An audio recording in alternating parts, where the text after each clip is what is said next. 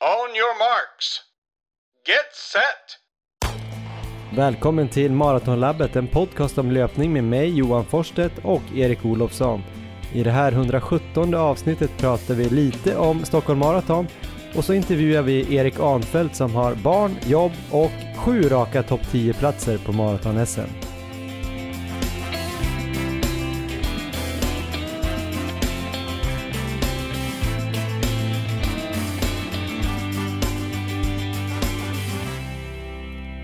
Men då ska ni alltså vara välkomna till avsnitt 117 av den här podcasten Maratonlabbet som ju handlar jättemycket om löpning och en av de bästa löparna som jag känner sitter i Uppsala och han heter Erik Olofsson. Hur är läget? Det är jättebra Johan, vi hade ju en fantastisk dag tillsammans i Stockholm med en mängd andra löpare och eh, jag lever lite på den inspirationen fortfarande. Hur är läget i Stockholm?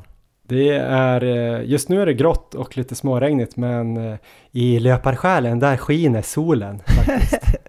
Nej men jag håller med dig, det var en fantastisk eh, dag i Stockholm Marathon. När ni lyssnar på det här så har det ju faktiskt gått, jag tror det är tio dagar. Så vi kanske inte borde prata så himla mycket om det om man tänker så här nyhetsmässigt. Men det känns som att den här dagen kan man inte få nog av. Så vi kommer prata lite om Stockholm Marathon. Vi kommer berätta hur det gick för oss att höra hara här för sub 3. Hur vi kände det och hur vi upplevde den här dagen med den här stora klungan som vi hade med oss. Vi kommer väl kort bara gå in på våra tips då som vi hade, hur det gick för eliten. Och sen har vi då en väldigt intressant intervju, tycker jag i alla fall, med Erik Anfält. Eh, känner du till Erik Anfält, Erik? Jo, men jag hade ganska bra koll på honom innan och eh, nu efter att ha hört den här intervjun så har vi fått väldigt bra koll på hur han tränar också och det är väldigt spännande. Jag ska bara sälja in den redan nu. Erik är ju alltså 45 år, han kom eh, 10 i SM-klassen nu på Stockholm Marathon. Sprang på 2.26. Han började träna löpning när han var 30 år och han är en sån här person som då har eh, spelat fotboll i ung ålder, haft ett uppehåll, sen började han att träna och Eh, han har liksom fru och två barn och jobb och eh, har skött sin löparsatsning eh, på sidan av och har ju då sin främsta merit i ett SM-brons från 2018 Stockholm Marathon. Är svinbra i fjälltävlingar också och sådär. Så att det här är superspännande för det är typ en vanlig person som har blivit bra, ingen löpare från grunden. Så, så det kan ni sitta och vänta på. Först då Erik, eh, vårat Stockholm Marathon eh, 2021, eh, blev det så bra som vi hade hoppats eller blev det bättre? Jag hade väldigt höga förväntningar på förhand. Vädret var ju perfekt och eh, det var ju mycket folk. Stämningen eh, var liksom riktigt härlig där redan när man kom till start. Så höga förväntningar, men jag tycker de infriades eh, med råge. Hur, eh, hur kände du? Ja, men samma för mig faktiskt. Det var ju första loppet som man förstod skulle bli riktigt stort. Vi, jag sprang i Stockholm halvmaraton eh, för jag var väl fyra veckor innan. Då var det väl eh, inte alls lika mycket folk och det var ju mer utspritt då i massa olika startgrupper och sen sprang vi Lidingöloppet och där tror jag det bara var knappt 4000 löpare. Det kändes ju ändå som ett ganska stort lopp vid starten men inte så mycket sen tyckte jag det här var ju ändå väldigt likt en vanlig Stockholm Marathon även om jag tror att det var strax under 8000 som kom till start. Jag tror det var 12 000 anmälda och vanligtvis brukar det väl vara 16 000 anmälda om jag inte missminner mig och kanske så 12-13 000 som faktiskt springer.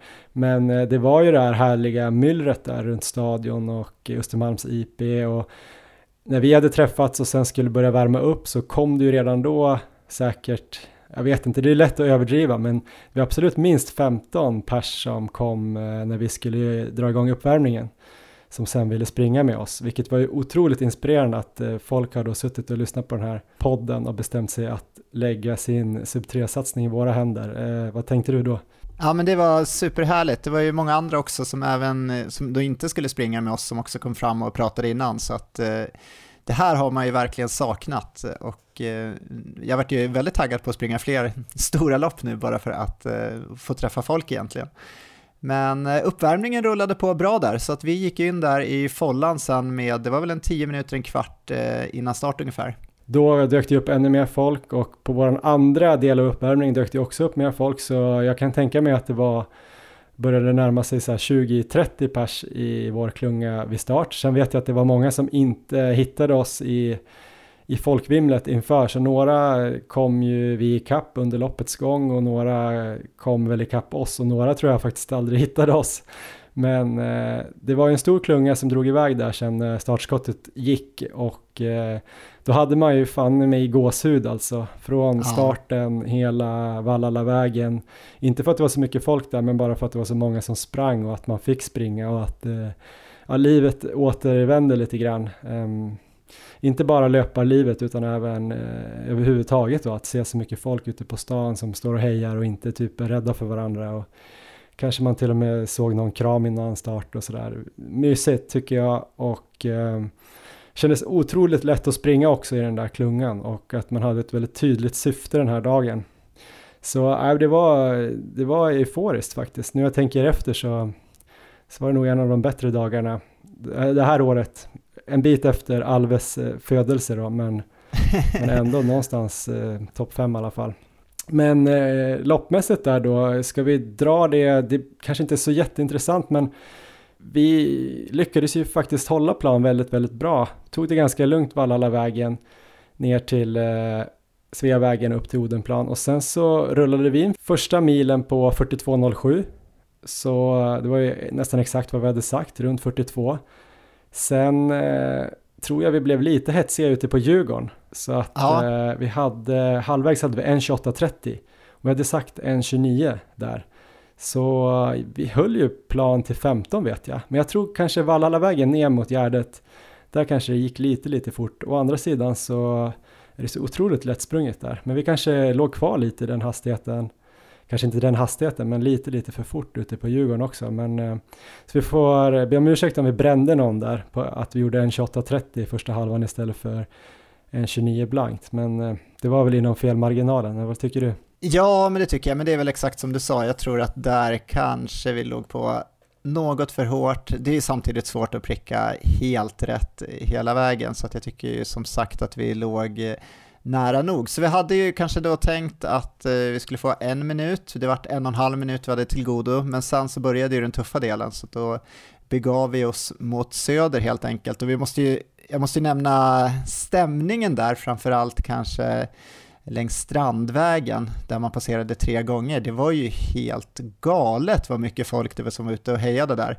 Så varje gång man passerade där, då fick ju du liksom hålla igen mig, du fick koppla mig lite så här för att jag bara helt automatiskt började springa fem sekunder snabbare per kilometer i alla fall, utan att tänka på det. Jag tror det var mer än fem faktiskt. Eh, första gången vi kom in på Nybroplan, då hade kommit upp där förbi Grand Hotel, den här lilla knixen, upp och sen ner och så kom jag ner där och såg att det var liksom, alltså jag ryser nu när jag ändå bara pratar om det och tänker på det. Aha. Det har ändå gått ganska länge, men det var liksom flera led bak så här. Alltså det var ju massvis av folk och som jag kommer ihåg det i alla fall så skrek folk till och med. Det är man ju inte så bortskämd med i Sverige tycker jag. Utan folk jublade verkligen och eh, jag kollade ner på klockan då, du stack ju iväg. Och eh, då var vi plötsligt bara nere i, då var vi nere i fyra blankt. Alltså bara direkt. utan att vi ens tänkte på det. Och då hade vi sprungit 4.15 precis innan. Så äh, sjukt äh, häftigt och även andra gången var det exakt likadant där när vi kom ja, vi, när det blir då 22-23 kilometer. Sista gången var det väl lite, lite mindre folk men det var ju fortfarande extremt härlig stämning där. Så att, äh, tack till alla som var ute och tittade alltså. Det var ja, verkligen. Eh, och alla som ropade på oss där, det var ju många lyssnare av podden som dels sprang men också stod och hejade. Så att eh, det var superkul att få support där. Och när vi kom upp där sen på Söder då, när backarna började, så hade vi fortfarande med oss en väldigt stor klunga. Det är klart att några hade väl fått släppa där, men det var ändå väldigt många med och där hade vi ändå möjlighet att eh, sänka farten en del när vi skulle gå upp för där. Mm. Eh, så att det, jag tycker ändå det var en ganska bra plan vi hade, att vi hade bunkrat upp lite tid och inte behövde gå på stenhårt i backarna sen. Alla som klarade det sen, som sprang under sub 3, de tyckte att det var genialiskt i alla fall. Och det var ju de vi träffade. De som inte klarade det eller som fick kramp och eh, la jättelångsamma tider till slut, eh, de har jag inte hört någonting från. Så, att, så är det kanske nog. där svaret är. Nej då, det var absolut inte som att vi, vi knäckte någon tror jag på den där första delen. Och som du sa, vi sprang upp där för Söder första gången, Guldbron och det där, ganska beskedligt. Där var det många som började springa om oss, tyckte jag, vår klunga.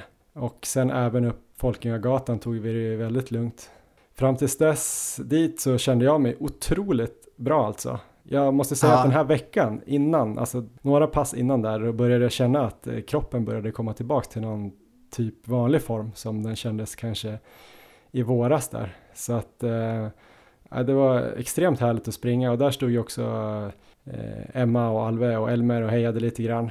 Eh, så kul att se dem. Det var ju ganska mycket folk också där, Folkungagatan nära Medborgarplatsen innan den här tunneln. Ehm, det var härligt och sen Hornsgatan var ju fin. Där tryckte jag på lite grann för jag tyckte att vi började fastna i någon lite segt tempo. Jag vet inte om det var så smart för då började jag faktiskt känna lite, lite, lite att det kanske skulle kunna bli kramp i baksidan. Där började det bli lite orolig faktiskt. Tänkte så här, fan det får bära eller brista. Tryckte på upp för Lundagatan där. Och då kändes det otroligt bra, framförallt sen då när vi kom upp på toppen ner mot eh, Västerbron. Där kändes det som att jag hade sprungit kanske fem kilometer och joggade Ja. i fyra blankt nerför där. Det var helt sjukt. Samtidigt så visste jag att när som helst skulle jag kunna få kramp. Och eh, det sa jag till dig där också, någon gång där så försökte jag förklara för dig att jag kan lika gärna få kramp liksom efter 10 meter på Västerbron. Och då är jag körd, då måste jag ju stå och stretcha här, då får du ta in den här klungan i mål. Eh, och då gick ju du upp och drog lite mer.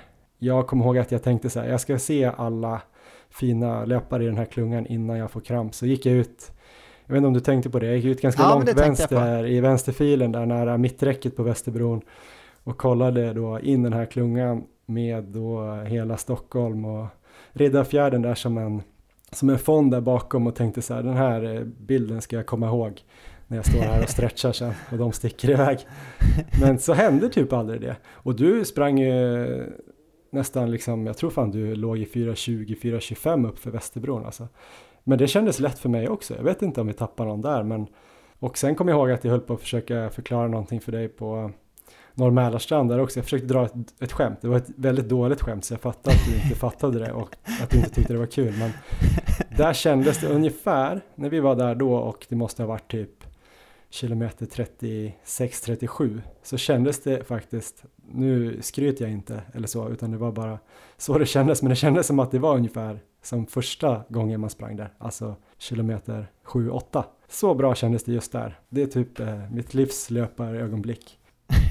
Den där delen gillade jag också för att eh, efter då Västerbron och eh, när vi ska göra den här sista milen då, eller knappa milen, då börjar ju våran klunga där passera en hel del folk. Och eh, jag fick lite som mål där att liksom försöka plocka upp folk till klungan bara, så nästan varenda person vi passerade där försökte jag peppa på att de skulle bara ta rygg på oss, eh, lägga sig i klungan så skulle vi dra in dem där under sub 3. Så det var väldigt många som jag pratade med när vi passerade där. Och det var också några där som verkligen tog rygg och eh, som sen sa till efteråt också och tackade så mycket att vi hade kommit förbi och peppat på dem och att det verkligen hade hjälpt för att ta sig under sub 3. Så det var superroligt. Så den där sträckan, nej, det var, jag tyckte det var riktigt härligt där. För mig kändes det ju väldigt bra hela vägen måste jag säga. Mm. Benen kändes bra och eh, pulsen var låg. Så att jag, jag har aldrig njutit så mycket av ett maraton. Det var, alltså det var så härligt att springa på det här sättet. Och dels uppladdningen inför, just att inte ha den här nervositeten utan eh, sov bra hela veckan och eh, allt kändes bara roligt. Och sen så under loppet också, ja, formen har ju varit riktigt usel innan, men eh, just den här dagen så, så kändes det suveränt bra. Så att jag sprang ju och njöt där samtidigt som jag var lite orolig för dig och eh, eh, dina baksidor där, att det eventuellt skulle komma någon kramp. Nej, men det här kan ha varit vändningen för oss Erik, både för dig och mig. Men eh, alltså jag tänker att vi har varit lite dålig form. Det här får vi ta Ja. med oss.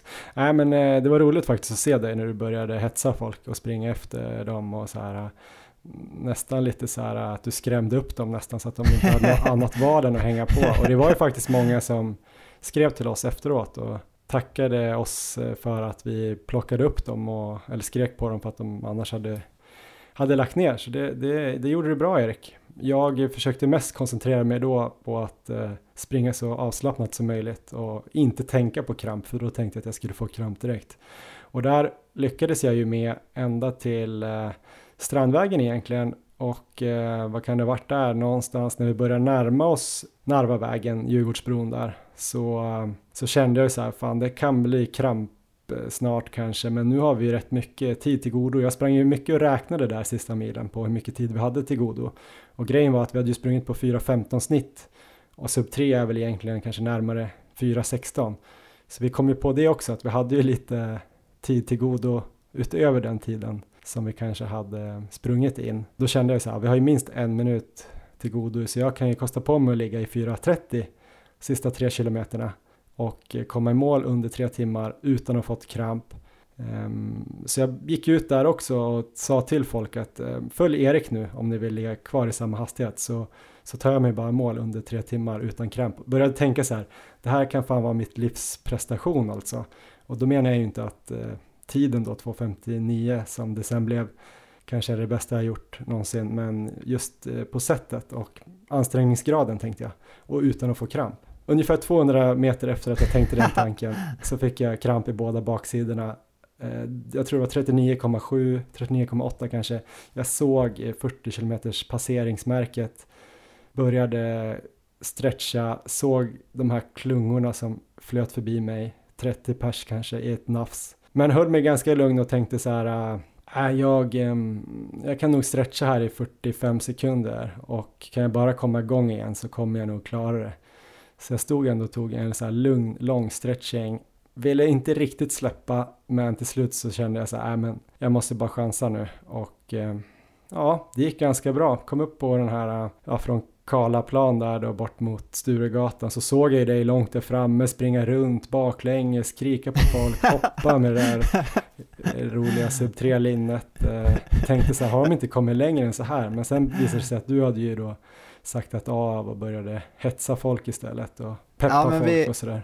Vid två kilometer kvar då sa jag till gruppen där bara att kör nu, kör allt ni har, nu är det två kilometer kvar, nu är det liksom bara att ösa och sen så började jag bara försöka peppa alla som Ehm, alla som sprang lite längre bak helt enkelt och som kanske kämpade lite hårdare.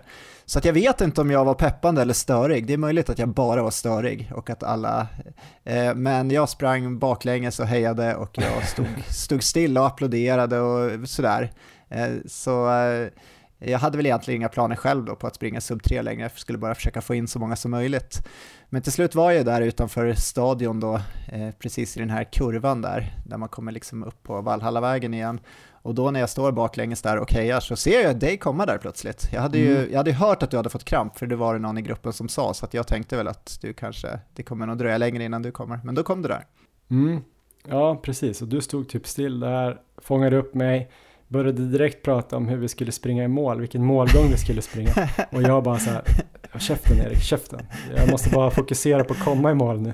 Vi kan prata om det 30 meter innan, för då kommer jag klara mig i mål. Men jag var bara så fokuserad på att springa på något typ av sätt som gjorde att jag inte skulle få någon mer kramp. Jag ville inte stå på stadion och stretcha och se att det gick över tre timmar. Då kände jag verkligen att det hade varit kul att komma under. Så, men det gick ganska bra. Av någon jävla anledning så brukar det bli så här på slutet när man har krampat. vet man bara att det är typ så 500 meter kvar eller någonting. Då brukar man kunna faktiskt trycka på. Jag vet inte hur man förklarar det, men det måste vara någonting med hjärnan och som gör någonting att det slappnar av eller någonting. För jag kunde ju springa på ganska bra och eh, inne på stadion var det en otroligt härlig känsla när jag såg att vi hade ganska mycket tid till godo och då kom vi på en jätterolig målgångsgest där som var inspirerad av Kristoffer Hiding, eller hur? Precis, så att eh, vi snackade snabbt ihop oss där att vi skulle springa fram till kameran där och köra sånt här heading-hopp, hoppa upp och slå ihop fötterna helt enkelt. Ehm, så det gjorde vi och det vart väl en ganska magisk bild tycker jag när vi nu har fått se den. Och ja, men jag eh, tror kanske att den ligger nu på vår Instagram, kanske till och med för det här avsnittet eller så kom den upp i helgen eller något om vi inte kunde hålla oss från att lägga upp den. Det är två pinsamma pappor som är eh, alldeles för glada för att springa maraton. Men det bjuder vi på, det är sådana vi är. Eh, Nej men jävligt kul, 2.58-56 hade vi. Du fick ju mycket sämre tid då eftersom du ja. fick sån här SM-tid. Det var ju när startskottet gick som du fick tiden. Så det var kul att slå dig på maraton också. Grattis för det. Eh, tack, tack. Och det var väl, eh, jag vet inte hur många det var som ändå kom i mål från vår klunga under tre timmar, men det var en hel del eh, snack där och en del tack och några selfies och det kan väl ha varit i runda slängar 10-15 pers i alla fall. Kan det ha varit 20? Nej, ta i då. Ja, vi säger 15 då. Ja, vi säger 15 och många som har skrivit sen och många på andra nivåer som också har hört av sig och tackat för, eh, för det här avsnittet som vi gjorde inför maran. Det känns skitkul att eh, höra att, ni, att någonting vi har sagt har hjälpt någon där ute. Totalt sett en fantastisk euforisk eh, dag på alla sätt och vis. Inte bara för att vi fick in alla de här under sub 3, vilket ju var huvudsaken, utan även att det, det kändes lätt att springa igen. Om det här nu var 90-92% av mitt maratonmax, vilket jag hade tänkt, så är det ju bra att kunna springa 2.59 på, på 90-92% av ansträngning. Jag hade snittpuls på 152 tror jag. Det är väl exakt på min aeroba tröskel. Ja, men det är väldigt lovande och jag hade ju snittpuls ett slag under dig då, 151, mm. vilket, jag, vilket också kändes väldigt bra. Eh, så det var ju väldigt lågt väldigt länge, sen såklart på Söder ökade pulsen lite, men, men ett bra formbesked och eh, jag skulle säga att det var väl kanske en av de absolut roligaste löpardagarna jag haft i mitt liv. Det var, det var en magisk dag på alla sätt. Ja men det är riktigt kul att höra Erik att du hade det härligt. Jag tänker mig att den här dagen då petade ner dina andra löpardagar som du har satt högt förut. Den här Rotterdam Marathon och, och Valencia Marathon som har varit dina topp 1 och 2 tidigare. Men kul! Ja, det var kul, eh, kul att du nämner Rotterdam här, för det var faktiskt en, en kille som skrev till oss sen, jag kommer inte ihåg vad han hette nu, men eh, han hade blivit inspirerad här i alla fall eh, efter Stockholm Marathon och var sugen på att ladda mot Valencia nu. För det hade ju som sagt varit en sån härlig dag. Men sen hade han lyssnat på race-reporten från Rotterdam där och ångrat sig så att han skulle gå på säsongsvila nu i alla fall. Klok, klok man. Eh, andra som hade roligt här då eh, på Stockholm Marathon var ju Carolina Wikström bland annat. Jag tänkte att vi skulle bara snabbt gå igenom eliten då. Ni alla vet ju hur det gick där för eliten och SM-klassen, men vi tänkte bara gå igenom våra tips här. Inte för att vara malliga eller så, men vi kollar hur det gick för våra tips som vi hade inför. Jag hade ju tippat då eh, Carolina Wikström som vinnare före Charlotta Fogberg och trea Camilla Elofsson. Nu blev det ju så här att eh, Hanna Lindholm anmälde sig väldigt sent, jag tror det var kvällen innan. Eller något sånt, eller kanske i alla fall dagen innan. Och hon tog ju då tredjeplatsen, petade ner då klubbkompisen Camilla Elofsson till fjärde plats. Och sen kom eh, Johanna Salminen femma, Johanna Bäcklund sexa. Båda de har för mig att jag nämnde i, i förhandstipsen. Jag hade ju också Linnea Sennström och Sanna Mustonen uppe där som intressanta namn, men båda de eh, eh, uteblev. Sanna var sjuk, Linnea vet jag inte om hon var skadad kanske. Um, ja, tyvärr. Så det var tråkigt, men eh, ja, det blev ju som förväntat då. Jag vet inte, det kanske var lätt tippat eller något, men det var ju kul att man har lärt sig någonting om, om dameliten i alla fall. Eh, otroligt bra sprunget av, ja egentligen alla de fem, om man bara snabbt säger då. Carolina sub 2.30 på en hård bana. Ja, det var det bästa bra. svenska resultatet eh, någonsin på Stockholm Marathon, eller? Något sånt. Ja, eh, Fogberg var ju bara typ en minut efter, eh, så hon gjorde också ett jättebra lopp. Hanna, fantastiskt starkt, bara två veckor efter Berlin Marathon sprang hon ju på typ en snabbare tid, vilket då visar att det var kanske lite väl varmt i Berlin. Eh, och sen då Camilla Elofsson, otroligt starkt igen, sub 240 och sen Salmen då, som gjorde eh, jättepers. Väldigt, väldigt starkt. Något som vi eh, i och för sig inte är jätteförvånade över eftersom vi vet hur snabb hon har varit. Men hon har haft en strulig säsong med, med skador och sådär. Så att eh, nu är hon ju tillbaks och hon ska ju också springa i Valencia. Påstår att hon ska springa med mig i Valencia, det tror jag inte på. För eh, då blir det inte så länge vi kan springa ihop innan jag måste lägga mig i sjukhustältet. Men eh, ja, vi får väl se vad hon gör i Valencia. Laddar hon om efter det här och eh, får en bra period så kan det gå riktigt jävla fort där. Herrarna då Erik, gick ditt tips bra också eller? Ja men snyggt tips Johan och ja våra tips gick ju bra, det är väl kanske därför vi sitter och pratar om det här nu. men jag hade ju tippat då Segai som etta, Russum som tvåa och David Nilsson som trea och det slog ju in. Så det, det var ett väldigt spännande lopp där också, herrarnas lopp där. Alltså David måste vi ändå prata lite om, för det var kul att se hans taktik under loppet. Har du sett någonting i efterhand sen hur loppet gick där för eliten? Ja, jag har faktiskt inte kollat. Han släppte alltså i typ varenda uppförsbacke en ganska rejäl lucka och sen kom han liksom flygande nerför och mm -hmm. sprang i princip om fältet. Och det där höll ju på nästan fram till Västerbron tror jag och där Eh, fick han släppa. Men han var ju med jättelänge och sen så höll han ju ihop det superbra. Ehm, och Russum och Segai var ju med nästan hela vägen in i mål. Segai var ju bara några sekunder efter täten där in i mål. Så att eh, alla de sprang ju superbra där. Men spännande lopp överlag och eh, en klassisk målgång där när han spydde ju rakt ut efter att ha fått kransen och passerat mållinjen. Eh, den här, jag tror han var från Etiopien han som vann. Så eh, det tyckte jag var ett snyggt sätt att gå i mål. Det var liksom en sån här målbild jag själv ska ta med mig att eh, då har man verkligen tagit ut det man har. Och sen så gick ju Jonas Leandersson oerhört oväntat bra faktiskt, 2.16. Eh, han var ju med här inför Lidingöloppet i vår podcast där vi trodde mycket på honom. Där fick han inte riktigt till det men det visade sig att det blev en bra, ett bra sista hårt långpass inför för maraton. 2.16 ja, är helt sjukt, det är väl debuten också. Ja. Eh, Ebba Tulushala kom väl femma och sen då vår eh, kamrat Kristoffer Lås som ju gjorde sub 2.20 och eh, slog sin idol där, Musse precis. Jag tror han sprang om typ på eh, stadion, vilket var ju lite, lite oartigt mot den här gamla legenden Mustafa Mohamed. Men eh, fantastiskt av Kristoffer Lås. Eh, Verkligen. Ja men en sjukt kul dag, eh, spännande resultat, eh, otroligt mycket eh, fina minnen för oss. Eh, som sagt återigen kanske, eh, vi kanske bara kan tacka alla som kommer fram och, och säger hej eller snackar lite löpning och, och visar att ni uppskattar podden och sådär och säger att vi ska fortsätta och så. Det betyder nog mer än vad ni tror för det är ju för er vi gör podden så att säga. Verkligen, och alla som också skriver och kommenterar på Instagram. Det är superhärligt och roligt att läsa.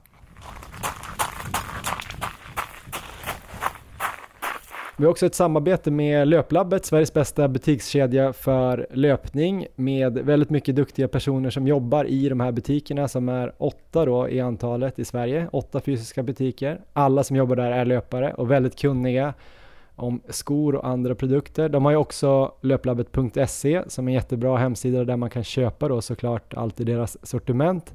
Man kan också få en massa tips och guider. Eh, nu har vi fått testa en eh, North Face sko var här. Erik, du kanske kan få börja prata om den skon du har provat. Eh, vad heter den?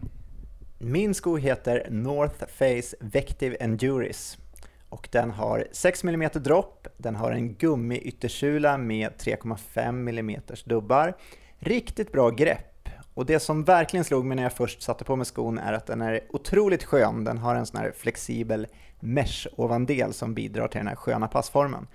Vikten ligger på 316 gram i US 9 och jag skulle säga att det här är en perfekt sko för långa pass uppe i bergen eller i skogen.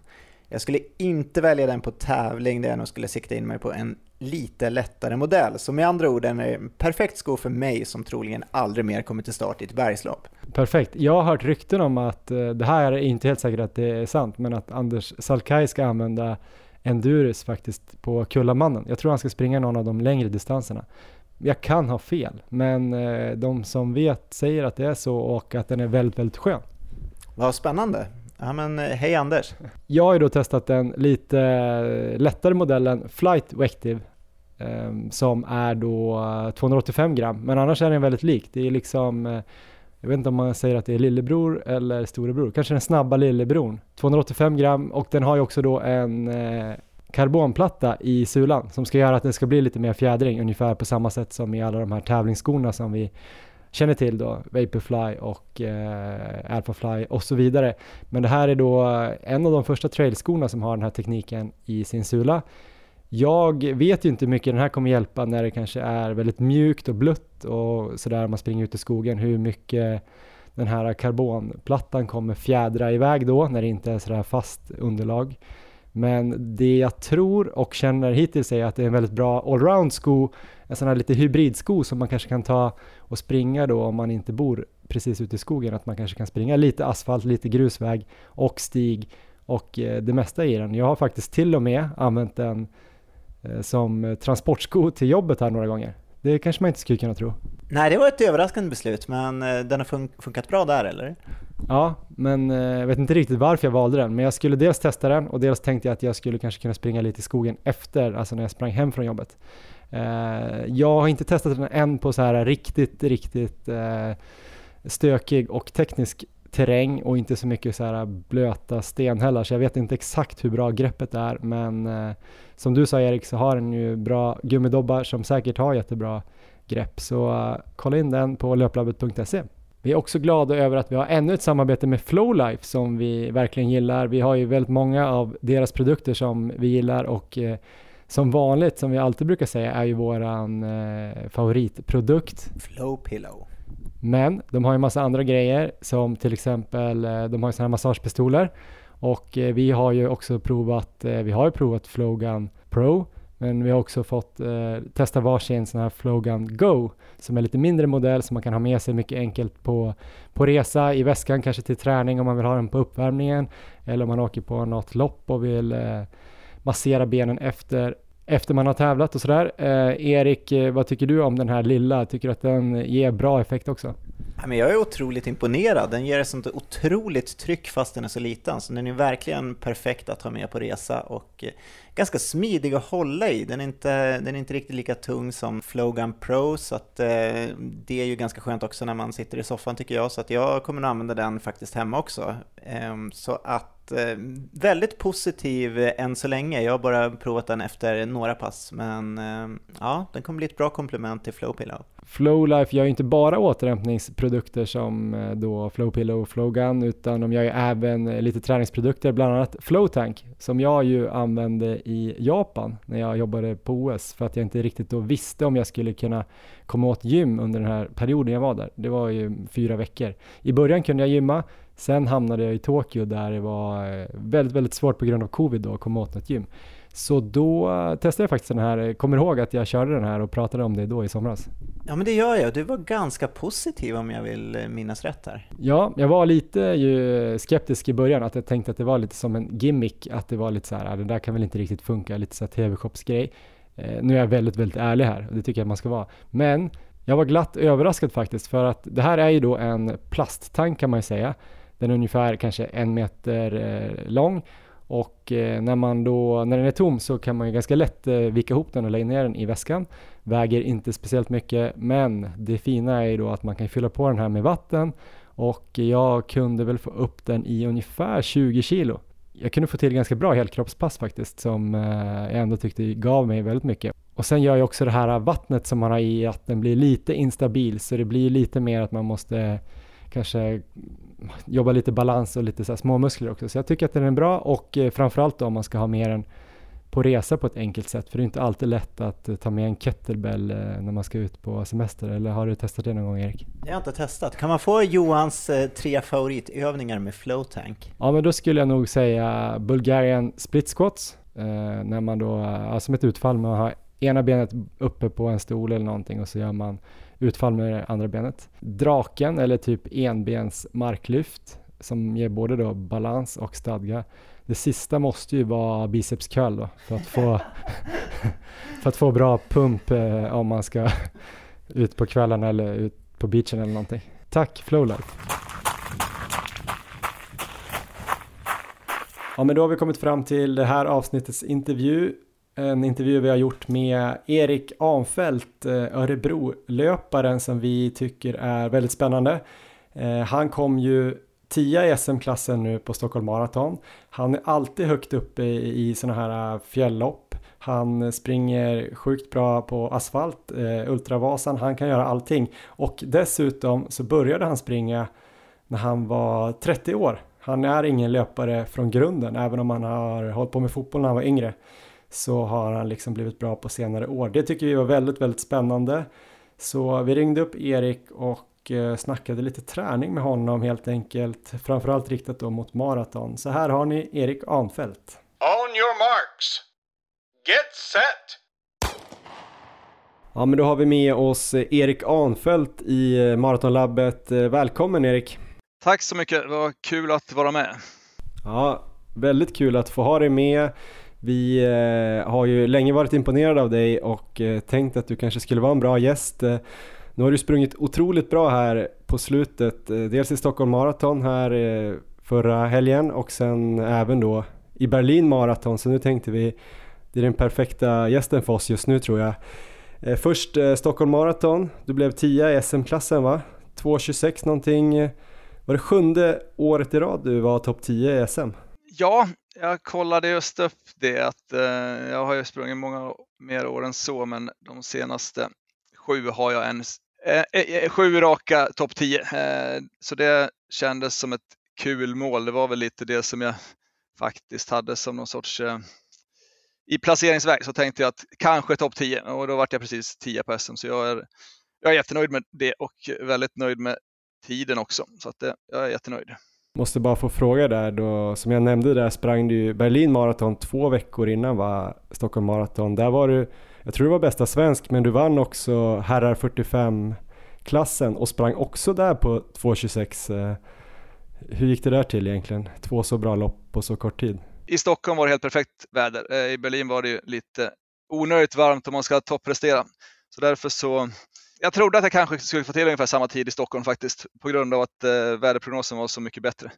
Så i Berlin eh, är jag jättenöjd och eh, jag tror att jag till och med kanske, om det hade varit helt optimala förutsättningar så hade jag kanske kunnat utmana mitt pers där. Eh, men det vet man aldrig. Men eh, värmen påverkar alla och det är lite mig också. Men jag, jag är ganska värmetålig så att jag ska inte egentligen säga att jag eh, tappar så jättemycket. Men jag alla tappar ju lite grann i värme så, så, att, eh, så eh, Berlin eh, körde jag ju väldigt mycket på Ultravasan-träningen som jag eh, har kört eh, egentligen allt fokus på ända sedan i vintras då jag blev av med till slut med en stressfraktur i foten. Då insåg jag att det där med Ultravasan tycker jag att jag har misslyckats med hittills så att det vill jag väl få till ett, ett sånt lopp till innan jag eh, vet hur jag gör med min framtid som löpare, för man blir äldre och äldre. Men jag säger inte att jag ska sluta, men däremot så tar jag egentligen bara ett lopp i taget. Eh, så på ett sätt är jag överraskad över både eh, Berlin och Stockholm. Om du hade frågat mig i somras när jag tränade inför Ultravasan, då hade jag nog aldrig kunnat tänka att jag skulle springa både Berlin och Stockholm så pass bra på den träningen. Jag kommer inte exakt ihåg sekunderna där på Berlin och Stockholm. Jag tror Berlin var lite, lite snabbare, men båda var ju något 2.26. Ditt personliga rekord är från 2019, 2.24.35 det är väl ganska självklart att du skulle ha sprungit eh, snabbare i Berlin va? om det inte hade varit 20-25 grader och sol va? Ja, i alla fall så eh, gav det mig väldigt positiv känsla att jag faktiskt eh, efter Berlin tänkte att jag kanske ska göra ett, några nya försök på att faktiskt pressa mina, eller mitt pers på morgonen. För annars så trodde jag nog i vintras framför allt när jag eh, som sagt var skadad och hade ganska stora problem att komma tillbaka att eh, det nog inte skulle bli några snabba maror. Däremot springa maraton, men att jag nog inte skulle ha ambitionen att eh, fortsätta pressa mina tider. Men nu, nu är jag väldigt sugen på det faktiskt, att eh, göra någon rejäl satsning på att eh, slå de där 2.24.35. Ja, det indikerar nog att det, det fanns nog eh, möjlighet på det i Berlin om det hade varit optimala förutsättningar, det tror jag. Och eh, varför vi tycker de här tiderna överhuvudtaget är så himla fantastiska det är också med tanke på din bakgrund, du är ju inte löpare i grunden. Eller nu har du sprungit ganska länge. Du är ju som jag sa där 45 år, du vann ju herrar 45 i Berlin. Du har sprungit sedan du var ungefär 30 så började du. Och eh, du har varit din egen tränare, du har eh, bra meriter, du var ju faktiskt eh, trea på SM 2018 på maraton, det varma 2018. Du var femma i år på Ultravasan 90. Du har vunnit Ultravasan 45. Också dina pers där då eh, 2.24.35 på maraton och 1.08.49. Eh, lite äldre rekord där på halvmaraton. Du har ju också eh, två barn, ja, fru eller sambo, det har jag faktiskt inte exakt koll på, men jobb. Eh, ja men du vet, du har ett liv i övrigt och ändå har det gått så här bra. Vad är du mest nöjd med alla de här grejerna jag rabblade upp? Ja, det jag nog är mest nöjd med är det sista du rabblade upp, att jag, min löpar, eh, om man nu kallar det karriär, det kanske man gör, men eh, min löparsatsning har jag hela tiden gjort eh, med familj och barn. Så att jag började liksom i princip springa när jag stadgade mig och sen fick vi barn ganska snabbt. Där 2008 fick jag min första, ja, min son och 2012 min dotter. Eh, så att eh, jag är mest nöjd med att jag lyckas med det som jag lovade mig själv då, att jag som en eh, missbrukar personlighetstyp som lätt går väldigt mycket in i saker, inte skulle göra det på det sättet att jag på något sätt satt mina barn och familj och jobb i andra hand, utan det har, det har funkat väldigt bra.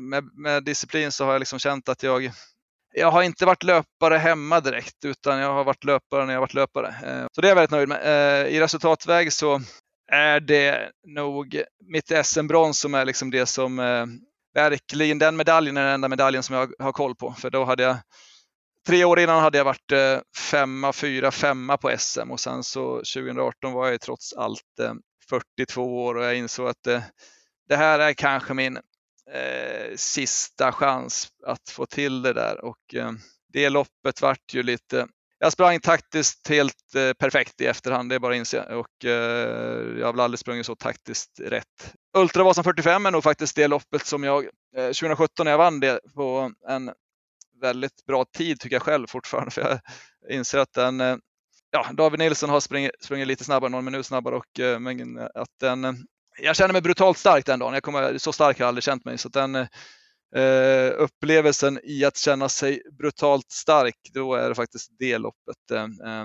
Sen är det många andra som ligger ungefär eh, lika sådär, men det är fyra på Ultravasan 90 vart jag förresten i år, så att det, det, placeringen är jag jättenöjd med. Ja, men det är väldigt spännande. Jag kan ju nämna här att du var med för ett år sedan i Maratonpodden med, med Petra där och då får man höra ännu mer lite grann hur hur det startade och ditt liv innan löpningen och sådär kan jag tipsa om. Vi kommer kanske fokusera ännu mer på, på träningen här men när jag lyssnade på det avsnittet i alla fall så slogs jag av att eh, jag och Erik har ju väldigt många gemensamma nämnare med dig eh, och eh, vi sa här innan här att, att du och Erik kanske har, har en del saker som, som är lika just med det här att eh, kanske snöa in på någonting väldigt ordentligt och ni har också spelat lite poker innan, eller han gör ju det fortfarande.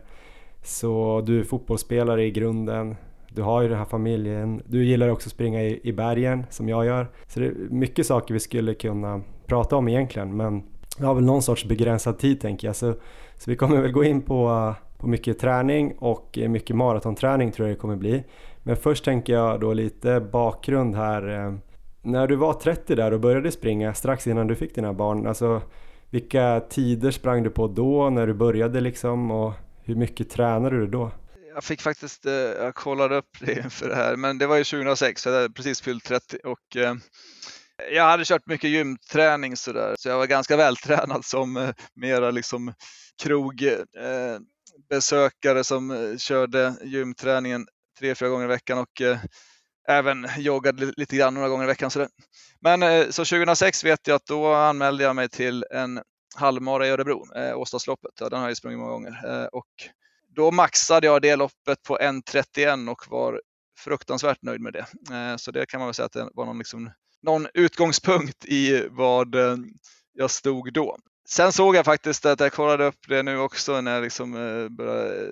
Så på ett år där, 2007, då gjorde jag halvmaran på 1.15 så att jag det gick ju fort i början och det gör det väl ofta när man börjar med någonting och ändå. Jag har ju en idrottsbakgrund som du sa, att jag, jag har ju spelat fotboll och så, så att jag har ju alltid egentligen vetat att jag eh, har ganska lätt för konditionsträning så att det svarar ganska bra. Sen eh, vart det lite stagnation och lite skador och sådär så att då det är väl liksom utgångspunkten ungefär där.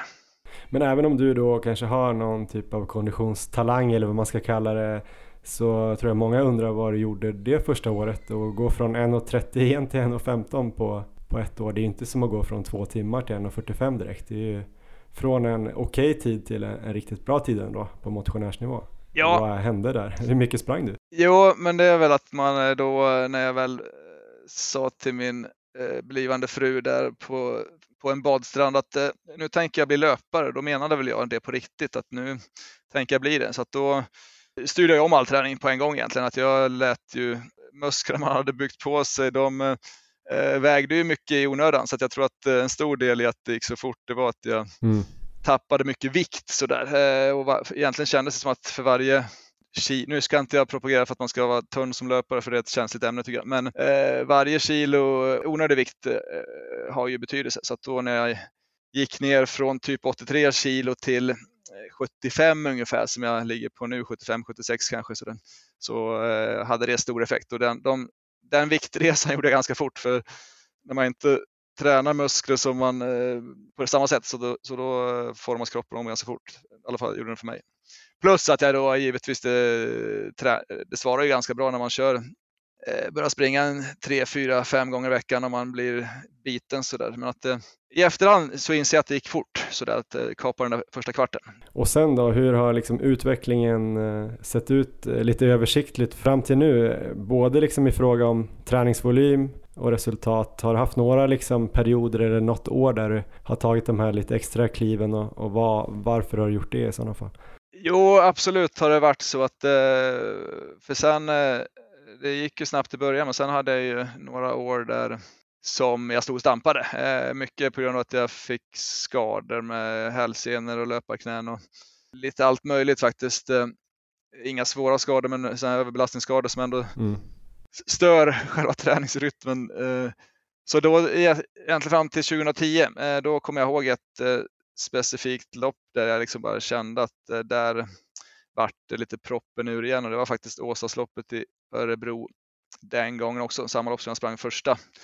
Då eh, sänkte jag mitt pers med tre minuter där, kommer jag ihåg, eh, till 1.11.30 eh, typ eh, från en bit över 1.14 och då då, hade jag, då kom jag ihåg att känslan var liksom att jag, jag kollade inte på klockan i det loppet, men jag kände att det här, det här går bra. och så det, då hittade jag liksom en, ny nivå därefter och även att jag sänkte mitt marapers från 2.47 till 2.36 tror jag på, under 2010. Så då, det har gått i vågor definitivt. Sen har det fortsatt så där egentligen att jag eh, ser att 2013 eh, fick jag nästa liksom, eh, det där låg och stampade där typ några år efter 2010. Sen 2013 gjorde jag min första sub 2.30 mara till exempel och sen så Ja, men så det har definitivt varit så att jag, eh, och i efterhand kan jag se att har jag haft långa perioder med bra kontinuitet, då har det liksom gått bra. Men sen direkt man har av olika anledningar kommit in i sämre perioder, då, ja, då ser man det på resultaten i efterhand också, att eh, man kan lägga ihop lite grann. Hur, när jag fick barn och så ska jag säga också att eh, i alla fall eh, när min son Hugo kom, för då påverkade min sömn väldigt mycket första Eh, så då kan jag se att 20, just då gick det nog sämre, mycket på grund av att jag, jag fick sämre återhämtning ganska rejält där. Det gick mycket bättre med andra barnen kan jag säga, men med första barnet så då påverkade det mig ganska mycket faktiskt. Mm. Ganska spännande där 2010 tänkte jag på, för det är väl ungefär där vi är sedan vi startade podden, alltså att man har tränat eh, lite bättre då och mer målinriktat kanske fyra, fyra fem år och eh, du fick ett, ett lyft där, det är ju vad man själv hoppas på också ungefär och eh, jag låg väl, eh, jag har väl lite sämre halvmarapers än vad du hade 2010 innan du, du fick det lyftet. Vad hade du gjort det året då förutom att du sa att du hade fått träna kontinuerligt? Liksom, hur mycket mer sprang du 2010 än 2006 på ett ungefär? Alltså volym är ju inte allt utan det är ju vad man gör också men bara för att få ett hum om hur mycket du sprang där. Jo, om man tänker att eh, att jag är hel jämt, om man tänker att, eh, för då är det ju löpning som jag genom åren mest har bedrivit om jag har varit hel. Sen har det blivit mycket alternativträning för att jag mm. ja, inte har varit hel. Men då hade jag nog ökat volymen ungefär från vi säger 7-8 mil, så då var jag uppe på en 10-11 mil så där i bra grundveckor om man säger så. Då. Så upp till att jag ökar volymen till vi säger en 12-13 mil, i alla fall 12 i någon sorts eh, ja, snittvolym, då, då jag, tycker jag att det kan se ett tydligt mönster att resultaten, eh, i alla fall på de här långa loppen eh, som jag mest hållit på med, eh, har varit bättre generellt. Men man kan inte bara kolla på ett resultat. Men sen därefter tycker jag inte att det är lika enkelt samband, för då är det så mycket med återhämtning och sådär. Men framförallt är det nog att volymen ökades på och kontinuiteten då var bra där inför 2010 och då, ja, då kom det det som man hade bunkrat upp genom ett antal år innan som inte hade svarat på samma sätt. Då.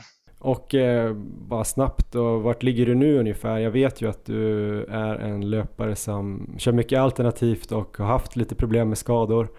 Eh, men lyckas hitta vägar runt det där. Men om, säg i år då när du har tränat lite för Ultravasan framförallt, när du liksom bara kunde springa, jag vet inte ens om du har gjort det nå någonting i år, men vad ligger du ungefär på löpvolym då? Jo då, eh, det har jag definitivt och eh, framförallt har jag hittat en väldig trygghet i att eh, kör jag bra alternativträning i eh, perioder så behöver jag inte så många riktigt bra löpveckor. För jag vill ju helst ha, inför de här viktiga loppen så vill jag ju ha så mycket löpning som möjligt och så lite alternativ som möjligt. Men eh, i de här eh, perioderna när det är ganska långt till lopp, om du säger att det är en fem sex veckor kvar till lopp och jag verkligen vill bygga volym, då gärna, man vill få in löpning också givetvis, men då byter jag gärna ut många, många löpmil mot eh, alternativträning. Men jag fick faktiskt upp min eh, enda 20 mila plusvecka eh, någonsin faktiskt. Eh, jag har aldrig haft en sån vecka, men eh, ganska många där ja, kring 18 mil givetvis. Men jag, så jag fick till en vecka som var 21 mil nu inför eh, Ultravasan. Eh, jag hade faktiskt nio dagar på raken. Jag gjorde en chansning där jag sprang ungefär tre mil per dag eh, och då hade jag ju, sen var jag faktiskt lite skadad av det, men jag lyckades ändå repa mig till eh, det var väl var start. Så jag kan fortfarande få in eh, vissa veckor eh, då jag verkligen prioriterade att eh, köra mycket löpning och då, då kan det vara samma, alltså så pass höga volymer som 16-17 mil ibland, men snittet blir otroligt mycket lägre om man räknar alla veckor. Men nu då när du har provat dig fram och haft lite skador och sådär, om du skulle lägga en optimal vecka för dig nu då, är det snarare att du springer 14-15 mil och sen kör två tre alternativa pass som är, är bra? Ja, definitivt. Om jag tänker nu, eh, jag är faktiskt sugen på att köra någon ny mara kanske i hyfsad närtid. så att om jag ska mera eh, lägga upp ett, en tanke, vi säger 8-9 veckor innan en mara och sånt där, då, då när jag bunkrar mycket volym, när jag vill få in liksom, istället för att få in, försöka få in 16 mila veckor på löpning, för då vet jag att det, det kommer vara så stor, otroligt stor risk att jag nöter ner kroppen och blir skadad. Så då, då är jag helt säker på att det är bättre för mig att ligga på, ja vi säger 12 mil löpning och eh, två rodpass och ett pass på crosstrainer eh, ungefär. Eh, då eh, är jag tryggare i att kroppen mår bättre av det så att jag sen när loppet börjar närma sig då kan jag skala bort de här typ rodpassen och eh, fokusera egentligen bara på löpning och lite styrketräning. Då. Eh, men då behöver jag inte göra det så många veckor innan tycker jag. Numera, för jag tycker jag känner min kropp så pass väl. Mm. Spännande, vi kommer komma tillbaks till det lite grann för jag kommer själv vilja eh, sno lite tips för, från dig här inför Valencia Marathon. Men jag hade några grejer där som vi var inne på, just det här med träningen och utvecklingen. Du har ju tränat dig själv som jag förstår i princip hela tiden, eller? Ja, det har jag definitivt gjort. Eh, sen är jag absolut inte en sån person som inte lyssnar på andra utan jag eh, verkligen försöker snappa upp mycket från andra, men eh, jag har alltid lagt upp min träning själv. Det har jag alltid gjort. Vad är det som har funkat på dig, liksom förutom kontinuiteten? Är det någon typ av träning, alltså med volymen, snabbhet eller fördelningen mellan löpning och alternativt och sådär?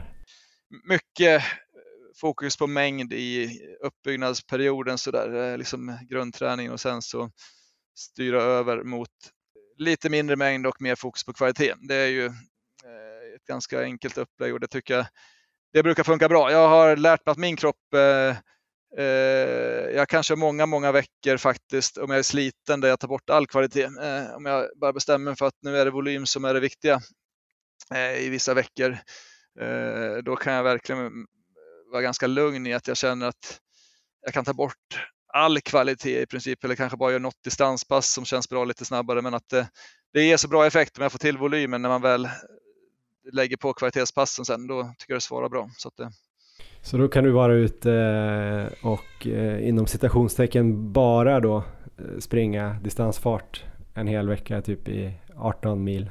Ja, definitivt. Jo, jo, men har jag, när jag hade den ambitionen till exempel inför Ultravasan där jag la in Eh, det hade varit nio dagar på raken som jag faktiskt hade ett snitt på tre mil. Då visste jag att de här eh, tem tempot får bli vad det blir. Sen blev det faktiskt några av de här passen som blev riktigt bra eh, för att jag kände att eh, eh vissa dagar kände jag mig pigg och då lät jag kroppen trycka på lite grann. Så det var liksom eh, några av de passen som vart rätt så snabba ändå. Fast eh, sen eh, om jag var sliten många dagar, vilket det var, då eh, struntar jag helt i tiden. Utan jag, jag, jag kör mycket så alltid eftersom jag är min egen, min egen tränare och tycker att eh, den stora fördelen med det är att man verkligen kan lyssna in och eh, anpassa. Så att jag, jag kör mycket så att eh, det här never waste good legs eller vad är det man säger, att eh, jag, jag passar på och sätter när kroppen vill träna hårt då brukar jag låta den göra det och när den inte vill det då brukar jag inte tvinga den till det.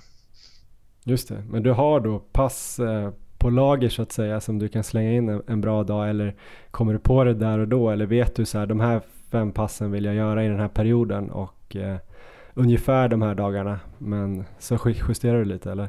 Det tycker jag är bra beskrivet att eh, det är mycket så jag gör att jag eh, sen ju närmare lopp man kommer då eh, är man ju mera liksom strukturerad i att jag vet att dels lättar jag på mängden och sen vet jag typ att jag vill sätta vissa pass Eh, fast svarar inte just den dagen, då gör jag precis så som du beskrev, att då skiter jag i att köra det där hårda passet där och tänker att äh, men då testar jag imorgon istället. Eh, så att det är väldigt mycket så att jag, eh, jag vet ungefär vilka pass jag vill få in under en viss period och sen så exakt när de kommer, det eh, känner jag mig fram när, det, när kroppen känns mottaglig. Och, och sen har jag mycket sällskap eh, också med kompisar, klart då eh, har man bestämt en tid med några kompisar när man ska köra ett eh, roligt pass då, då kör man ju det ofta. Men eh, eh när jag kör själv då anpassar jag väldigt mycket. Så det... Men om vi kollar lite då på maratonträning och de sista 8-9 veckorna som eh, du pratade om där att du kanske skulle vilja lägga in en, en sen mara till här.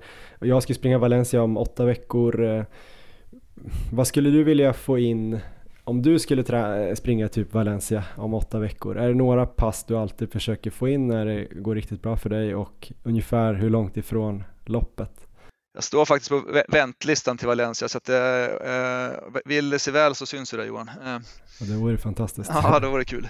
Eh, nu ska jag i mitt fall och det tycker jag passar jättebra i min träning för att jag, jag kör ju som du var inne på tidigare både traillopp och eh, asfaltslopp så att eh, jag tycker det är jättekul. Eh, det, så jag kommer springa eh, om, vad blir det, tre veckor drygt, eh, ett 50 km lopp i samband med Kullamannen. Eh, om jag springer Valencia så blir det eh, då lägger jag in det som ett väldigt hårt långpass givetvis. Men om man tänker att jag inte skulle springa något eh, traillopp innan så där, då eh, hade jag ju definitivt nu och framåt ett antal veckor så hade jag haft otroligt mycket fokus på mängd. Eh, nu är jag ju lite sliten fortfarande från Stockholm så just den här veckan eh, tar jag det bara lugnt sådär. Men sen när man känner sig att, man är, att kroppen svarar igen då, då är det mängdfokus som gäller till, i mitt fall till sista tre veckorna ungefär då jag eh, börjar liksom att gå över till att verkligen försöka få till i mitt fall är det mycket överfart det handlar om för att jag känner att jag eh,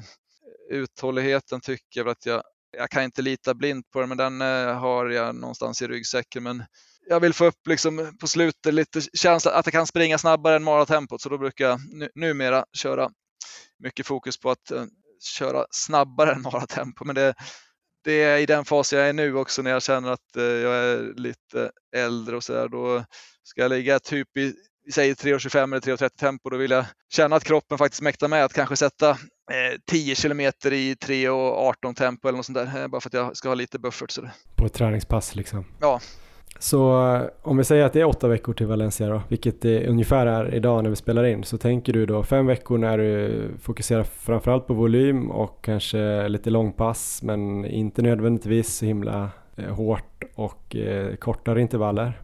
Och sen har du tre veckor när du dels då kanske tar ner volym och springer lite hårdare pass.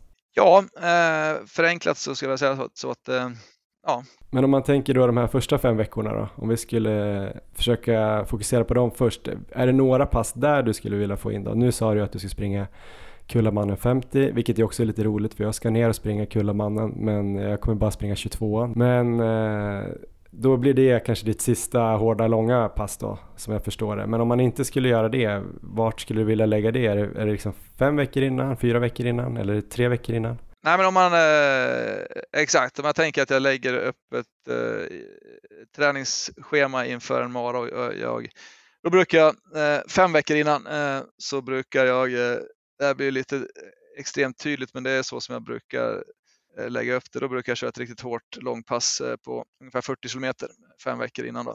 Ett hårt progressivt långpass där eh, Tempot får ju gå lite grann på känsla men eh, tanken är verkligen att eh, växla upp tempo typ varje tia då, och att eh, sista 10 kilometerna.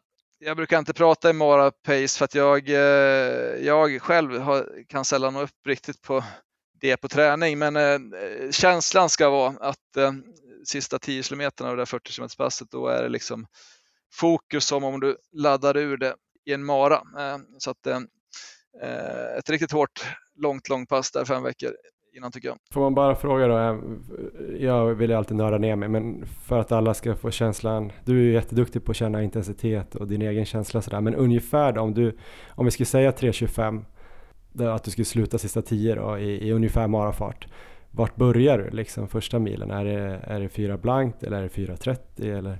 Nej, men i mitt fall, eh, då ska jag börja i 3.55 ungefär. Jag ska börja första 10 kilometer i 3.55 och så skulle jag känna hur det kändes. Och upplägget på papper skulle vara ungefär för mig då 3.55 första milen, 3.45 ungefär andra milen. Yeah.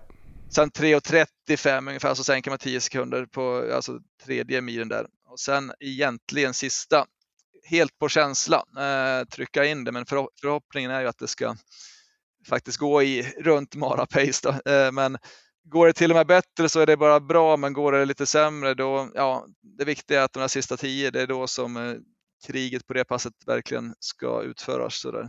Det, det, effekten får man oavsett hur nöjd man blir med passet, så effekten är det viktiga. Och då ett riktigt hård genomkörare fem veckor innan. Och eh, sen då har du någonting kvar som är, är längre hårt sista veckorna där? Nej, men sen brukar jag eh, när det är tre veckor kvar, eh, då eh, brukar jag lägga in motsvarande pass fast tre mil istället, alltså en mil kortare.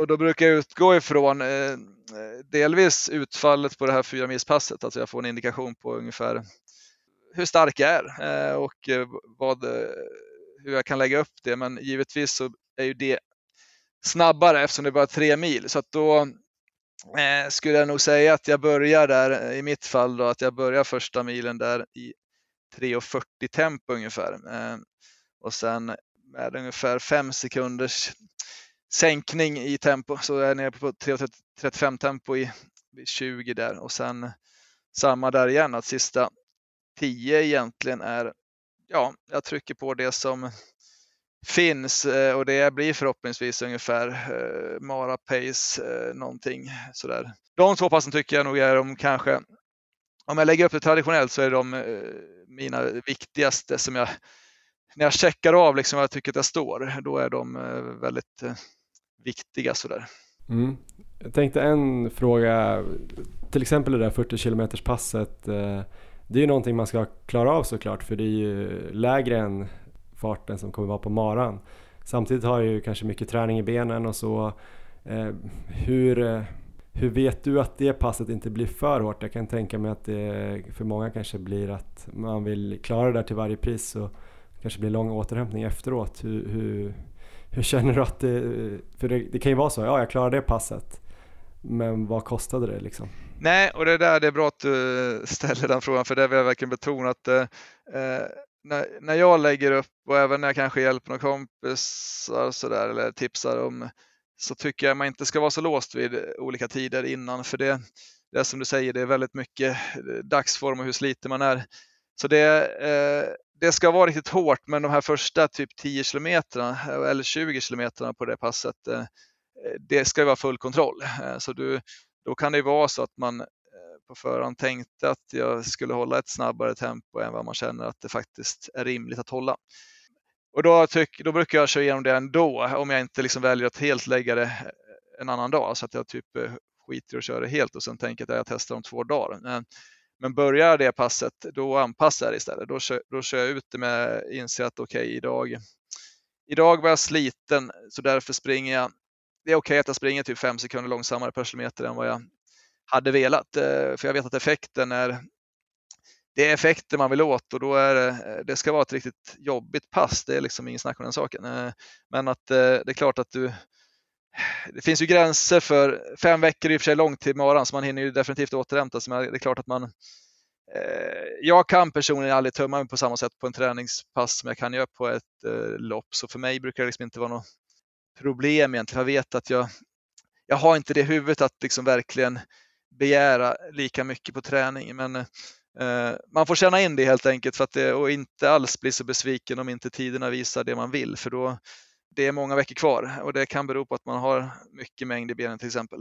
Jag tänkte där eh, mellan då när det är fem veckor kvar och tre veckor kvar så har vi ju två veckor.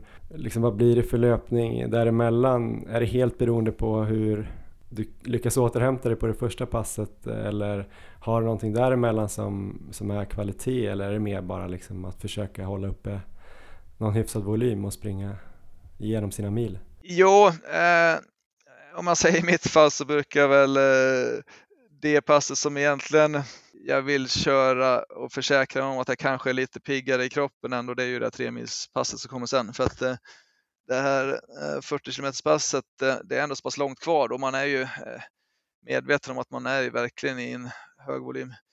Så att eh, där måste man suga upp. Det är ju liksom dagarna efter och i mitt fall brukar det inte vara aktuellt med något kvalitetspass efter det förrän kanske tidigast, jag vill säga någon lätt backpass kanske framåt torsdagen veckan efter så där om jag kör det här passet på söndag eller något sånt där. Så att minst en tre, fyra dagar då jag bara kör lätt distans om man säger så. Eh, gärna ganska bra volym för jag är fortfarande inne i liksom en period när jag vill ha volym men att då distanspassen får bli väldigt, väldigt lätta om man säger så. Och den veckan då, eller den helgen, fyra veckor kvar, körde något halvlångt pass då lugnt bara för att liksom bibehålla det du tränade upp veckan innan eller hur ser det ut? Jo men långpass eh, det är ju det viktigaste passet tycker jag om man kör eh, maraton och längre. Så i alla fall för mig har det alltid varit det. Att, eh, så därför tycker jag att det där eh, ett långpass i veckan eh, är ju bra eh, att köra tycker jag. Och då långpasset däremellan blir ju i mitt fall så blir ju det ofta ett väldigt lätt men ganska långt pass ändå. Jag måste säga att man är uppe på en 37-38 kilometer där på lördagen eller veckan emellan de här två men att det är ju väldigt lätt då. Att det bara liksom är att eh, få volymen men inte alls något kvalitetsinslag om man säger så. I den här perioden fram då, de här första fem veckorna eh, av de här åtta då, som vi kanske ska gå in på. Eh, vad gör du för annan typ av kvalitet? Det har ju varit ganska populärt de senaste åren att springa sådana här maratonintervaller eller marafartsintervaller där man kanske springer fyra gånger fem kilometer i sin marafart med en kilometers ja, flytvila eller något sånt. Eh, håller du på med den typen av pass också eller vad blir det däremellan? Jo, men jag kör den typen av eh, pass eh, som, är, som, jag, som jag inser att eh, ofta är jag så att jag, när det väl är dags för maran faktiskt, så är jag så otroligt mycket starkare eh, än vad jag är där en, säger en 5, 6, 7 veckor innan. Så därför håller jag Mara Pace som jag tänker liksom att jag i mitt fall ska hålla, vi säger 3.25 tempo då, eller om det är så pass hårt som jag tänker då. När det är så pass långt kvar till maran så eh, det är mer känsla, men då, vi säger ett pass 4 gånger 5 km eller att jag kör en tröskel över 17-18 km rakt av så där. De är ju, det är mycket den typen av kvalitet som jag försöker få in, men det blir inte så många pass för mig för jag kör hellre, hellre ganska få rejäla eh, när jag kör så mycket volym än att jag kör många lite lättare faktiskt. Så Eh, däremot när man kommer närmare lopp då gör jag tvärtom att man ja, att jag kör lite mer kortare kvalitet med lite mer edge och får in, får in fler istället. Så det. En vecka där och i början av den här specifika perioden, är det snarare liksom ett eller två kvalitetspass eller är det mer? Eller vad tänker du? Du säger att det viktigaste är att du får till några riktigt bra. Kan det vara liksom ett pass då? Ja. En viss vecka? Absolut, när jag kör de där, eh, vi säger de här 40 och 30 meters passen, eh, de veckorna är det egentligen, det är det som är kvaliteten. Eh, skulle jag mm, mot förmodan, eller ibland händer det att jag känner mig väldigt pigg, då kan jag lägga in något lätt backpass kanske eller något sånt där. Men det viktiga är sådana veckor, då är det liksom att det är lätta distanspass och sen ladda på för att trycka ur ett riktigt rejält pass. Och då klarar inte min kropp av i alla fall att eh, ha både volymen och få till, då blir det för mycket. Eh, det har jag det misstaget jag har gjort om jag eh, backar lite grann, jag har ju lärt mig av genom åren att då när jag har kört för mycket, när jag har velat för mycket med både volym och kvalitet samtidigt, det har ju givetvis inte funkat, för det funkar ju inte för någon när man totalt sett belastar för hårt. Det finns ju alltid gränser. Och då, så kör jag mycket volym, då är det verkligen så att då inser jag att då är det det som är fokus och då blir kvaliteten ja, hellre färre bra pass än eh, många halvdåliga. Sådär. Om vi går in på de här sista tre veckorna då och eh, din strategi det här med lite överfartspass och så. Hur ser de tre veckorna ut ungefär? Jo, men eh, det är ju lite olika, men då är det definitivt så att eh, efter det där tre milspasset, eh, då är det ju definitivt så att eh, det är ju sista riktigt långa hårda. Eh, så sen Eh, all kvalitet som jag kör därefter egentligen, i mitt fall, då är det faktiskt eh, någon typ av marafart eller snabbare ofta. Då. Eh, att jag faktiskt försöker jobba upp så att jag känner att kroppen pallar med tempon som är lite snabbare än det tempo som jag ska lägga på morgonen. Sen tror jag att det är olika om man är ung och håller på, man tävlar mycket på milen och sånt där, då tror jag man har det där på ett annat sätt. Men jag på senare år så kör jag egentligen eh, all min träning är ju liksom mot eh, långa lopp och då då känner jag att då har det väldigt stor effekt de här sista veckorna innan att jag faktiskt eh, lägger väldigt mycket fokus på att få, ja egentligen springa snabbare än Mara Pace bara för att liksom väcka kroppen på något sätt i de där tempona. Men om vi snackar överfart då, du nämnde förut kanske en mil i 3.18 fart var lagom om du skulle springa maran på 3.25. Är det någonstans där du tränar eller tränar du ännu snabbare grejer, alltså typ 5k fart och sånt eller är det just eh, tröskel och halvmara fart typ?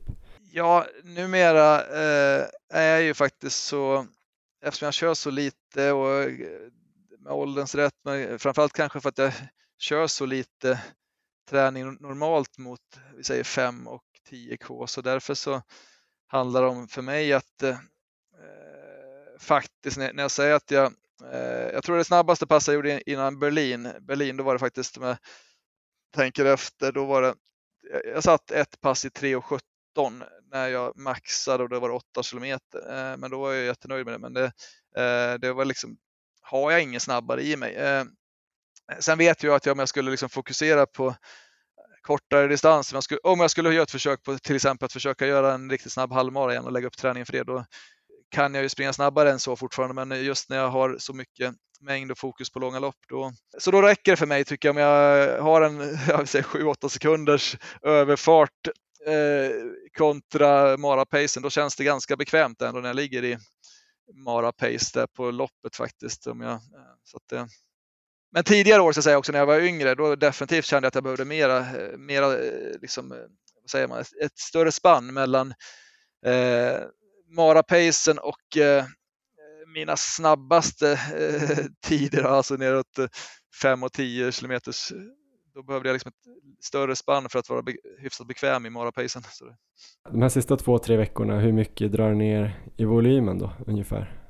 Tio dagar, jag brukar ha som något, eh, när det är tio dagar kvar då kör jag ett sista eh, ganska hårt kvalitetspass eh, och sen brukar jag veta att när jag har kört det passet då är det liksom signalen till mig att då är det verkligen eh, fokus på att lätta rejält och då typ att jag lägger in en vilodag direkt efter det passet. Så att det egentligen så eh, jag skalar ner lite grann, men inte så mycket. Man säger att det är tre veckor kvar till exempel, så då eh, jag är inte så rädd för att den volym jag bygger då sitter kvar i benen när det väl är lopp. Men utan jag, jag brukar lätta ganska distinkt där eh, när det är tio dagar kvar, men givetvis lite grann innan också. Vad kan det passet vara då, sista när det är tio dagar kvar? Ja, men det kan vara eh, till exempel 10 kilometer. Eh, då är jag ofta ganska sliten fortfarande, för jag har inte börjat lätta så mycket, så då, eh, vi säger en, en snabb distans där jag faktiskt på den dagsformen trycker in den så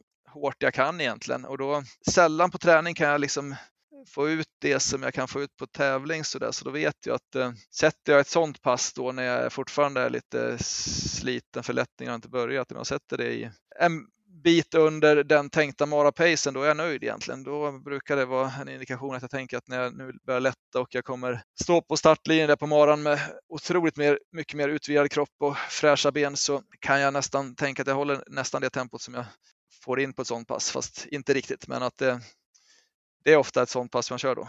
Jag har fått otroligt mycket bra maratontips här. Jag vet inte, du har lyssnat ibland på vår podd. Vad tror du skulle vara viktigast för mig att få in inför Valencia? Kan jag fråga så? Ja, jag har lyssnat jättemycket på er på Jag tycker den är, den är kul. Så det, eh, ja, jo, men jag förstår eh, Johan att du, du har väl generellt inte så mycket volym egentligen i din träning, utan du har väl mer kvalitetsinriktad. Vad ligger du på volym nu ungefär? Ja men nu har jag faktiskt lyckats springa en längre period här där jag i alla fall har varit uppe på 10 mils veckor och snittet är väl kanske strax över 9 mil här nu de sista 5-6 veckorna så det ser lite bättre ut.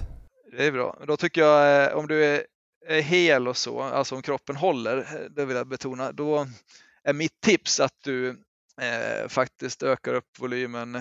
Du lägger in ett antal veckor nu, i alla fall en tre veckor framåt eh, från och med nu. Det är mitt tips att då eh, tänker du att nu boostar jag upp volymen ytterligare lite, alltså om, om kroppen är hel, alltså kanske ett par mil till i veckan. Det är ju tid som går åt och så, men det, eh, och då tänker att eh, du blir mer sliten så att kvaliteten under den perioden när du går upp i mängden, den behöver du inte vara så orolig för, för sen när du, eh, jag tror mängden i sig kommer göra väldigt gott så att när du trycker på lite hårdare kvalitet igen, då, då kommer det svara bra. Men eh, när du säger så kanske gå upp, eh, försöka ligga runt 11 och kanske 12 mil till och med i några veckor? Definitivt eh, tycker jag. Och det, kanske jag mer?